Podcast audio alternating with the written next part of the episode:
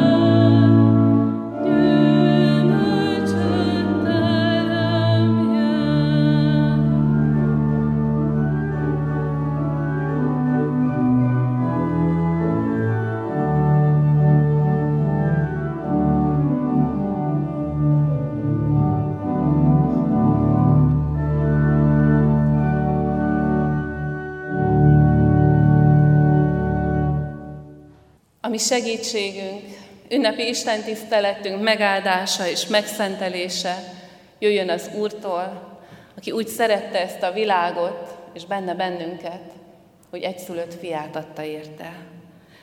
Hozzá imádkozzunk most.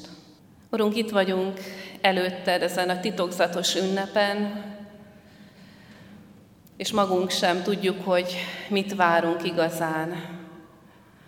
Vannak képeink, gondolataink az első pünkösdről, vannak elképzeléseink, hogy mit jelent az, hogy a lelkedet adod nekünk, van erről tapasztalatunk is, és mégis van bennünk egy mély várakozás, hogy pünkösd ünnepén talán nem mértékkel akarod adni nekünk a lelket, hanem bőven. Hogy pünkösd ünnepén talán egészen bátran kérhetünk tőled sokkal több hitet. Egészen bátran kérhetünk tőled, Urunk, akár csodákat. Egészen bárhatunk, bátran kérhetjük tőled azt, hogy tapasztaljuk meg, hogy igaz az, amit ígértél, hogy ahol ketten vagy hárman a te nevedben együtt vannak, ott te valóságosan jelen vagy, minden erőddel, minden bölcsességeddel, azzal az ismerettel, amivel ismered a szívünket és az életutunkat. Kérünk, hadd tapasztaljuk ezt meg. Kérünk, Jézus Krisztus, add ezen az ünnepen, különösen is nekünk, szent lelkedet. Amen. Isten igéjét az apostolok cselekedeteiről írott könyvből olvasom, a 18. fejezet első 11 versét. Ez nem az első pünkös története, hanem néhány évvel később Pál apostol és a munkatársai Görögország akkori fővárosában, Korintusba mentek igét hirdetni, Krisztust hirdetni. Ennek a története. Ezek után Pál eltávozott Aténból és Korintusba ment. Ott találkozott egy Aquilla nevű pontuszi származású zsidóval, aki nemrég jött Itáliából feleségével, Priscillával, mivel Claudius császár elrendelte, hogy minden zsidó távozzék Rómából. Pál csatlakozott hozzájuk, és mivel ugyanaz volt a mestersége, náluk lakott és dolgozott. Ők ugyanis sátorkészítő mesterek voltak. Szombatonként azonban a zsinagógában vitázott, és igyekezett meggyőzni zsidókat és görögöket. Amikor pedig Szilász és Timóteus megérkezett Makedóniából, Pál teljesen az ige hirdetésének szentelte magát, és bizonyságot tett a zsidók előtt, hogy Jézus a Krisztus. Amikor azonban ellene szegültek és szidalmazták, lerázta a ruhájáról a port, és ezt mondta nekik, véretek a ti fejetekre szálljon, én tiszta vagyok, mostantól fogva a pogányokhoz megyek. Ekkor eltávozott onnan, és egy Tícius Justus nevű istenfélő ember házába költözött, akinek a háza szomszédos volt a zsinagógával. Kriszpus, a zsinagógai előjáró pedig hitt az Úrban egész háza népével együtt, és a korintusiak közül is, akik hallgatták őt, szintén sokan hittek és megkeresztelkedtek. Az Úr egy éjjel látomásban ezt mondta Pálnak. Ne félj, hanem szólj és ne hallgass, mert én veled vagyok, és senki sem fog rád támadni és ártani neked, mert nekem sok népem van ebben a városban. Ott is maradt egy évig és hat hónapig, és tanította közöttük Isten igéjét. És a kilencedik, tizedik verset emelem ki. Az Úr egy éjjel látomásban ezt mondta Pálnak, ne félj, hanem szólj és ne hallgass, mert én veled vagyok, és senki sem fog rád támadni, mert nekem sok népem van ebben a városban. Mi köze ennek a történetnek pünkös történetéhez? az első pünkös történetéhez, amit jól ismerünk, amikor Péter és a többi apostol kiáll az összegyűlt zarándok sereg elé, bizonyságot tesznek Jézusról, és három ezer ember tér meg, és keresztelkedik meg. De ugyanazt megkérdezhetjük, hogy mi köze a mi pünkösdünknek, a mi mai pünkösdünknek ahhoz a bizonyos első pünkösthöz amikor egyetlen ige hirdetés hatására három ezren térnek meg. Hát azt gondolom, hogy a különbségek jobban látszanak. De mégis párhuzamba merem és szeretném állítani ezt a történetet és pünkös történetét, és ha Isten megadja, akkor talán párhuzamot von a mai életünk között és az első pünköst között. Az alapfelállás ugyanaz az első pünkösdön Jeruzsálemben és Pálé Korintus missziója idején. Van egy maroknyi keresztjén ember, akik Isten igéjével, Jézus Krisztus megváltásáról szóló üzenettel vannak az egyik oldalon, és ott van egy tömeg a másik oldalon, akik eh, nem ismerik Jézus Krisztust, akik a legjobb esetben nem tudnak róla semmit, rosszabb esetben ellenségesek vele meg a követőivel szemben. És nyilván húzhatjuk a párhuzamot tovább. Itt egy maroknyi keresztjén ember, Krisztus üzenetében bízva, vagy ha összevetjük az összes keresztjén embert, aki eljött ma Isten tiszteletre, akkor is maroknyi azzal a tömeggel szemben, akik számára pünkösd, nem több, mint egy hosszú hétvége. De mégis ez a maroknyi keresztjén ember Krisztus üzenetétől áthatva azt szeretné, hogyha a tömeget átitatná az evangélium. Ez az azonosság a két történetben. És talán ez az azonosság a mai pünkösdünkben. Adja Isten, hogy ez a lélek legyen bennünk, hogy szeretnénk, hogy embereket elérjen a Krisztus evangéliuma. Hát a különbség az nyilvánvaló. Az első pünkös napján egy napon volt a vetés és az aratás. Egyetlen ige hirdetés, három ezer megtérő. Ezzel szemben Pálék korintusi útján mit látunk? Pálapostolék vetnek, vetnek, vetnek, pótolják a magot, és várják az aratást. A termés hozam pedig jóval a várt alatt marad. Azt olvastuk, hogy a zsidók közül csak az zsinagógai előjáró tér meg a házanépével együtt, meg néhány korintusi. És azt gondolom, hogy sokszor mi is ezt éljük meg, hogy vetünk, vetünk, vetünk, és az aratás az nem látszik igazából. De azt gondolom, hogy Pálék nagyon jól tudták, és nekünk is fontos tudni, hogy, hogy Isten úgy rendezte be ezt a világot, hogy ritkán van egy napon a vetés és az aratás. Van egy kedves igehirdetőm, ő írta, az a magvető, aki gyors eredményre vágyik, csalódni fog. Ha holnap krumplit szeretnék vacsorázni, hiába megyek ki este a kertbe krumplit ültetni. A magvetés és a betakarítás idejét a sötétség és a csend hosszú időszakai választják el egymástól. A várakozás időszakai, a föld megmunkálása, a gyomlálás, palánták gondozása és az újabb magok vetése kell, hogy kitöltse. Azt gondolom, pálék tudják ezt. És mégis nehéz nekik Korintusban. Egyrészt, mert hát nem sok jót lehet várni attól a várostól. Az egyik legnagyobb és legrosszabb hírű kikötőváros volt az akkori Görögországban. Még született is egy külön szó arról, hogy korintusi módra élni, hát az azt jelentette, hogy gyökértelenül, erkölcstelenül, kicsapongóan. A korintusiakkal úgy egybefort ez a kép, ez a gyökértelenség, ez a, ez a istentelenség, mint a magyar ember képével a paprika. Ilyen helyre mentek Pálék az evangéliumot hirdetni. És ezen kívül Pál nincs is jó paszban. Majd amikor megszületik a korintusi gyülekezet, később azt írja neki, hogy én erőtlenség, félelem és nagy rettegés között jelentem meg nálatok. Küzdelmes páléknak ez a korintusi időszak, és nyilvánvaló, hogy csak azért maradnak ott, mert elkötelezték magukat arra, hogy amíg az Isten ott akarja őket látni, addig ott lesznek.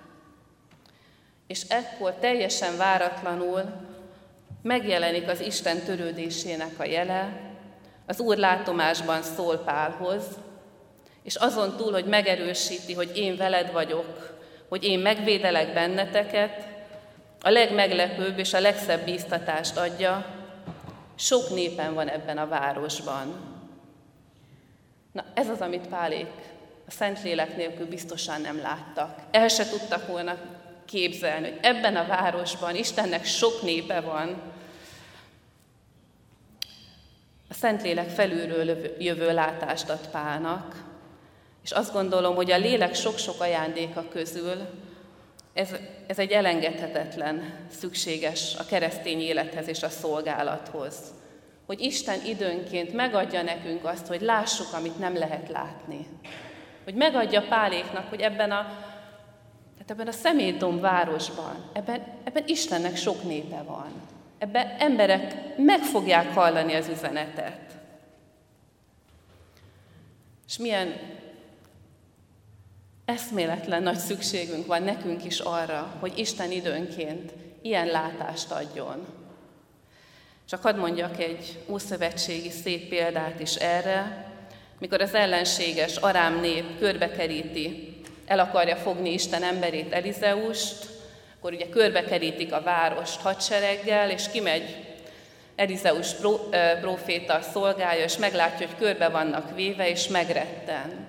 És akkor azt mondja, ne, azt mondja neki a próféta, ne félj, mert többen vannak velünk, mint ő velük.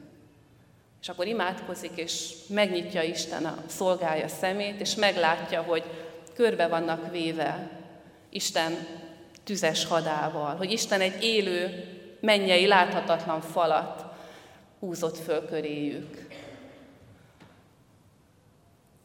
Milyen kegyelem az, amikor meglátjuk, hogy Isten egy védőfalat húzott föl körénk. Milyen kegyelem, amikor megnyitja erre az Isten a szemünket. Ettől még én biztos vagyok benne, hogy, hogy még nagyon meg fogunk lepődni azon a mennyben, hogy, hogy hányszor nem vettük észre azt, ahogy az Isten körbevett és megvédett bennünket. De mégis jó elkérni az Istentől, hogy lássuk a láthatatlant, hogy lássuk, hogy igaz az az ige, ami annyiszor előfordult itt az előkészítő alkalmak során, hogy az Úr angyala őrt áll az Isten félők felett, és megmenti őket.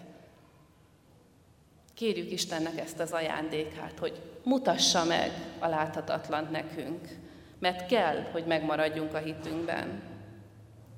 És ugyanúgy ahhoz is kell, hogy megmaradjunk a szolgálatunkban, Páléknak ez a bátorítás akkor hangzik el, amikor nagyon nehéz nekik Korintusban, amikor úgy érzik, hogy sem, nem sok értelme van a vetésnek, az ige hirdetésnek. És akkor megszólal ez az ige, hogy de, sok népen van ebben a városban. És hadd mondjam, hogy ez a bíztatás, ez nem csak Pálék miatt szól. Őket erősíti meg, de, de a Korintusban élő sok Isten népéért szól ez az ige, akiket meg kell találniuk Páléknak az evangéliummal.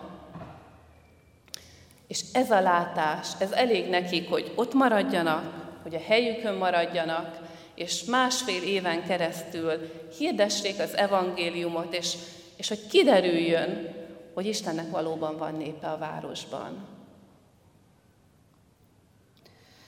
Nekem az a gyanúm, hogy Istennek mindenhol van népe, sőt valószínűleg sok népe van mindenhol. Nem hiszem, hogy Korintus volt az egyetlen pozitív kivétel. És jó ezt a látást újra meg újra elkérni Istentől ami, a mindennapjainkhoz.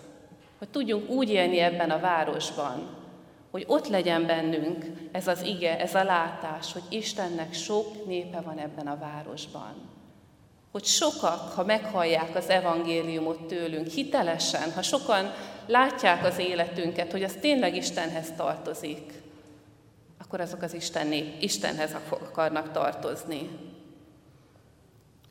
És ha csak arra tekint, azokra tekintünk, akik valami új helyen kezdtek el az evangéliummal szolgálni, ők is mindezzel a látással tették. És a legtöbbjüket bolondnak nézte az akkori egyház. Amikor Erdős Eszter, ma már fogalom, elkezdett, elkezdte Isten igéjét hirdetni drogfüggő fiatalok között, az egyház nagy része bolondnak nézte. És kiderült, hogy van Istennek népe a szétdrogozott, szétesett életű emberek között is. És lett, és van. Vagy ugyanezzel a látással indulhat, indulhatott el több évtizeddel ezelőtt a magyar parlamentben egy ima közösség. Hogy annak, aki ezt indítványozta, aki elkezdte, annak az a látása volt, hogy a parlamentben is van Istennek népe, a jobb oldalon és a bal oldalon is. És a mai napig járnak ebbe az ima közösségbe politikusok a jobb oldalról és a bal oldalról. Mert Istennek a jobb oldalon és a bal oldalon is sok népe van. És a végére hagytam a számomra a legnehezebbet. Hihetjük azt, hogy sok jólétben élő, minden érték iránt arrogáns emberek is, ha hitelesen hallják az evangéliumot, megszólíthatók lesznek. Kiderülhet, hogy, hogy az arrogancia mellett, a fölösleges költekezés mögött, vagy minden mögött ott van az éjség az Isten igéjére. De csak ez a látás, hogy közöttük is van Istennek népe, csak ez szabadíthat fel bennünket. Arra, hogy, hogy bátran és szégyen nélkül valljuk meg a hitünket. Hogy, hogy ne kisebb rendűnek érezzük magunkat olyanok előtt, akik, akik talán jobban befutottak az életben, mint mi, hanem adjuk azt, ami van, és az Isten lelke majd megmutatja. Aki Isten népéhez tartozik, az válaszolni fog az evangéliumra. És egy utolsó gondolat, erre is a korintusiak tanítottak meg bennünket. Ha elkezdünk így másokra nézni, ha elkezdünk akár így imádkozni, emberekért, a városunkért, hogy Isten mutassa meg az itt élő rejtőzködő népét, valószínűleg sokszor meg fogunk lepődni, mert nem feltétlen a szimpatikus, kedves emberek fognak az evangéliumra válaszolni. Lehet, hogy a problémásak. Nekem sok olyan tapasztalatom volt, hogy kedves, értékeket komolyan vevő emberek valahogy nem rezonálnak az evangéliumra. És olyanok pedig, akiknek látszólag, akik látszólag megszólíthatatlanok, megfordul az életük mert Krisztusról hallottak. Hát hihetjük, hogy Isten, aki a kövekből is tud magának fiakat teremteni, az Kecskeméten bárhol képes az evangélium által új és új embereket az életre és az örök életre elhívni. Ezért ismétlődhet pünkösd, a vetés és az aratás ritkán lesz egy napon, de pünkösd ismétlődhet. Újra meg újra napvilágra kerülhet, hogy Istennek sok népe van mindenhol. Csak hallják meg az evangéliumot rajtunk keresztül is. Amen.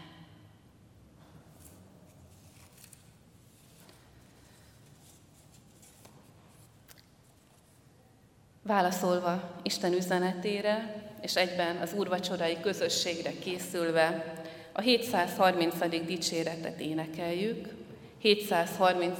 énekünk mind a három versét, egy szép ének kiáltása lélekért, így kezdődik, Szent Lélek jövel, szívünk töltsd ma el. thank you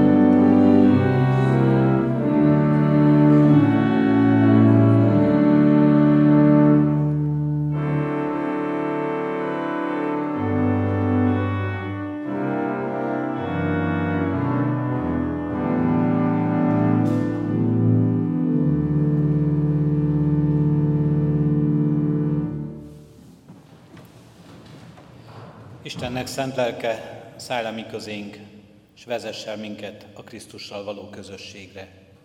Amen. Hallgassátok meg testvéreim, mi módon szerezte a mi Urunk Jézus Krisztus az Úri Szent Vacsora sákramentumát. Legbővebben elénk adja ezt Pálapostól, a korintusi gyülekezethez írott első levelének 11. részében eképpen. Mert én az Úrtól vettem, amit át is adtam néktek, hogy az Úr Jézus azon az éjszakán, amelyen elárultatott, vette a kenyeret, s hálákat adva megtörte, és ezt mondta. Vegyétek, egyétek, ez az én testem, amely ti érettetek, megtöretik. Ezt cselekedjétek az én emlékezetemre. Hasonlóképpen vette a poharat is, miután vacsoráltak, és ezt mondta. E pohár, am az új szövetség, az én vérem által. Ezt cselekedjétek, valamennyiszer isszátok az én emlékezetemre. Mert valamennyiszer eszitek-e kenyeret, és isszátok-e pohárt, az Úrnak halálát hirdessétek, amíg eljön. Amen. Előttünk vannak-e látható jegyek, testvéreim, melyek Urunk bűnbocsátó kegyelmét hirdetik meg számunkra. Mielőtt részesülnénk a kegyelem jegyeiben, hajtsuk meg fejünket, és vigyük egyéni bűnvallásunkat egy csendes percben Urunk elé imádságunkban.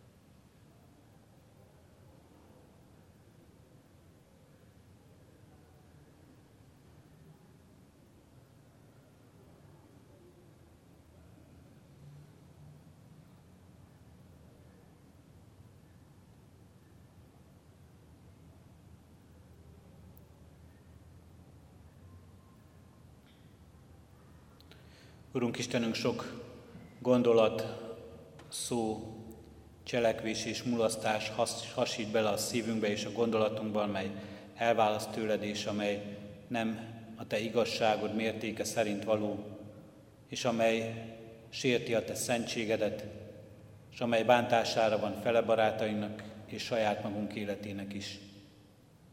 És sok minden ki nem mondott dolog, Urunk Istenünk, amelyet elhallgatunk és amelyekkel szembe sem tudunk nézni, de érezzük, látjuk és megszenvedjük, hogy mégis távol tart tőled. Köszönjük, Urunk Istenünk, hogy mindezek ellenére is itt lehetünk, eléd állhatunk, hívhatunk és várhatunk. Jöjj, hagy bűnbocsánatot, jöjj, adj szabadítást, jöjj, teremts újjá az életünket. Jézus Krisztusért kérünk, ami megváltó Úrunkért, aki önmagát adta érettünk, hogy az ő áldozatában, Urunk Istenünk, elvétessen rólunk minden átok, minden kárhoztató ítélet, és benne valóban miénk legyen a szabadság, a bűnbocsánat, az örök élet. Így állunk előtted, Urunk Istenünk, és így jövünk részeltes minket a Te kegyelmedben. Amen. Bűneink megvallása után valljuk meg a mi hitünket is az apostoli hitvallás szavaival. Hiszek egy Istenben, mindenható atyában, mennek és földnek teremtőjében, és Jézus Krisztusban, az ő egyszülött fiában, ami Urunkban, aki fogantatott Szentlélektől, született Szűz Máriától, szenvedett Poncius Pilátus alatt, megfeszítették, meghalt és eltemették. Alászállt a poklokra, harmadnapon feltámadt a halottak közül, fölment a mennybe, ott ül a mindenható Atya Isten jobbján, honnan jön el ítélni élőket és holtakat. Hiszek szent lélekben, hiszem az egyetemes Anya Szent Egyházat, a szentek közösségét, a bűnök bocsánatát, a test feltámadását és az örök életet. Amen. Jó lehet testvéreim, én sem bűnvallásotokban, sem hitvallásotokban nem kételkedem. Mégis egyházunk gyakorlata szerint válaszoljatok még a következő kérdésekre hitvalló szívvel és hallható szóval. Hiszitek-e, valljátok-e, hogy úgy szerette Isten ezt a világot, hogy az ő egyszülött fiát adta, hogy aki hisz ő benne, el ne vesszen, hanem örök élete legyen. Ha igen, válaszoljuk, hiszem és vallom. Mindezeket bizonyal elhívén ígéritek-e, fogadjátok-e, hogy ti a kegyelemért, hálából egész életeteket az Úrnak szentelitek, és már a jelen való világban, mint az ő megváltottai, az ő dicsőségére éltek. Igen, válaszoljuk, ígérem és fogadom. Én is mindezeket veletek együtt hiszem és vallom, ígérem és fogadom. Most azért, mint az én Uramnak, a Jézus Krisztusnak méltatlan bár, de elhívott szolgája, hirdetem nektek bűneitek bocsánatát és az örök életet, melyet megad a mi Urunk Istenünk ingyen kegyelméből az ő szent fiáért minnyájunknak. Amen. Foglaljunk helyet, testvérek, íme minden kész, járuljatok e szent asztalhoz alázatos szívvel és szép rendel. A gyülekezetünkben megszokott rendszerint úrvacsorázunk. Először az orgona alatt ülők jöjjenek az úrasztalához, majd így tovább. Kenyeret és a bort vehetjük el. A járványhelyzetre való tekintettel egyszer használatos kiskelyheket használunk, a kiskelyeket egy üres tálcára helyezhetjük majd vissza. Mindazoknak hirdetem, akik bármilyen oknál fogva nem kívánnak alkollal élni az úrvacsorázás alatt, hogy keressék a kék szalaggal megjelölt tálcán lévő kelyheket. Úrvacsorázásunk alatt az orgona játékát hallgassuk.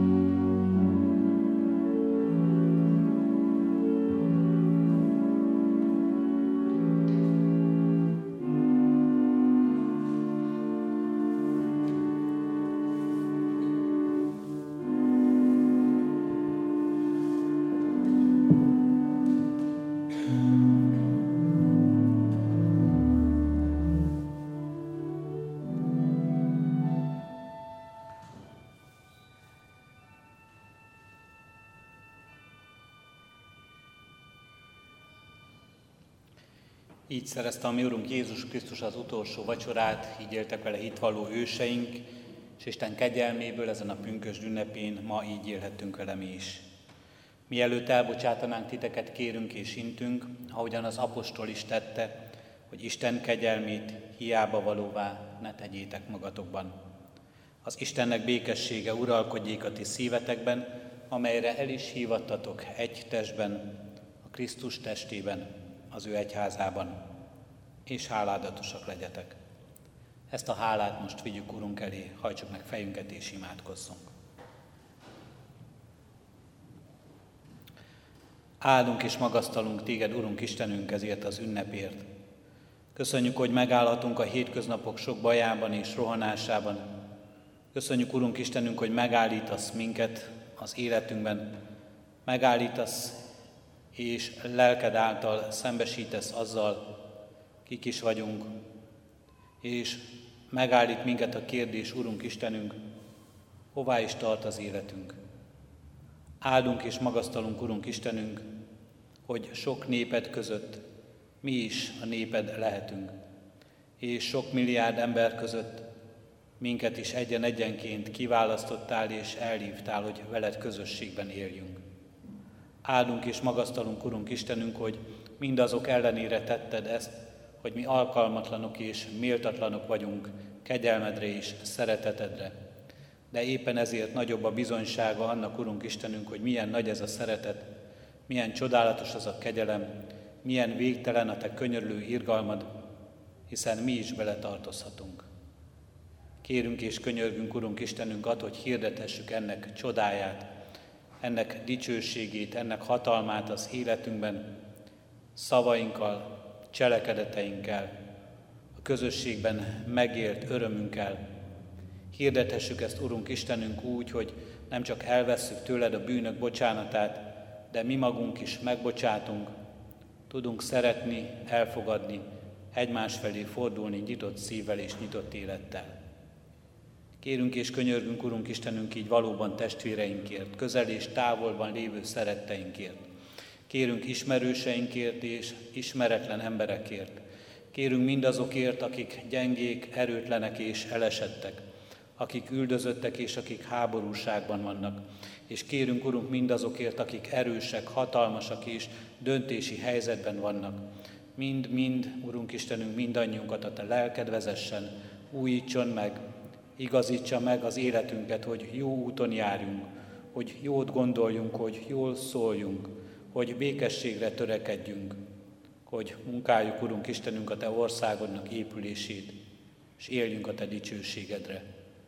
Hisszük, Urunk Istenünk, hogy Te fel tudsz így használni minket. Hisszük, Urunk Istenünk, hogy a Te lelked által úgy tudsz munkálkodni ma is ebben a világban, hogy bűnök bocsántatnak meg, hogy betegek gyógyulnak meg, hogy halottak támadnak fel, hogy halott lelkek és halott életek újulnak meg és teremtődnek újjá, hogy halott közösségek életednek újjá, Urunk Istenünk, és lehetnek bizonyságtevőid. Így hordozzuk, Urunk Istenünk, imádságunkban, ami közösségünket, gyülekezetünket, egyházunkat, a Te népedet ebben a világban. Így visszük elé, Urunk Istenünk, népünket és nemzetünket. Kérünk és könyörgünk, áradjon ránk a Te lelked, újítson meg minket naponként. Amen. Krisztus tolt imádságunkat együtt és fennállva mondjuk el. Mi atyánk, aki a mennyekben vagy, szenteltessék meg a Te neved. Jöjjön el a Te országod, legyen meg a Te akaratod, amint a mennyben, úgy a földön is. Minden napi kenyerünket add meg nékünk ma, és bocsásd meg védkeinket, miképpen mi is megbocsátunk az ellenünk védkezőknek. És ne vigy minket kísértésbe, de szabadíts meg a gonosztól, mert Tiéd az ország, a hatalom és a dicsőség, mind örökké. Amen. Az adakozás lehetőségét hirdetem testvéreim, mint életünknek és Isten tiszteletünknek hálaadó részét. Szívünkben alázattal Urunk áldását fogadjuk. Istennek népe, áldjon meg téged az Úr, és őrizzen meg téged. Világosítsa meg az Úr az ő orcáját te rajtad, és könyörüljön te rajtad.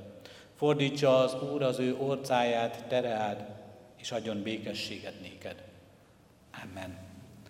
Helyet foglalva testvérek, néhány hirdetést hallgassunk meg. Hirdetem, hogy a holnapi napon, pünkös másnapján, pünköst hétfőn is Isten tiszteleteket tartunk. Itt a templomban 9 órakor, 11 órakor és este 6 órakor, és minden alkalommal az úrasztalát megterítjük, és életünk az úrvacsora közösségének áldásaival. 11 óra Isten tiszteletünk, konfirmációi Isten tisztelet lesz.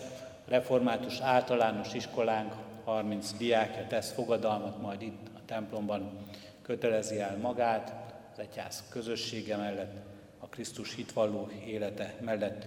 Könyörögünk ezekért a fiatalokért, hogy valóban Isten szent lelke áldja meg az ő fogadalomtételüket, és adjon nekik napról napra erőt, útmutatást, hogy ezt meg is tartassák. A mai napon három Isten tiszteleten volt konfirmációi bizonyságtétel, 9 órakor felnőttek közül hárman tettek bizonyságot, 11 órai Isten tiszteletünkön a városi hittanoktatásból 47 gyermek tett fogadalmat, és a délután 3 órakor az Isten tiszteletünkön 36 diák és 4 felnőtt tett bizonyságot. Isten áldja meg az ő életüket, Isten áldja meg a mi közösségünket, gyülekezetünk közösségét, hogy lehessünk befogadóik, szeretetteljes közösségként. Isten tiszteletünk végén most a 107. Zsoltárunkat énekeljük, a 107. Zsoltárunknak első versét, majd az 5. versétől, az 5. verstől a 8. versig énekeljük Zsoltárunkat.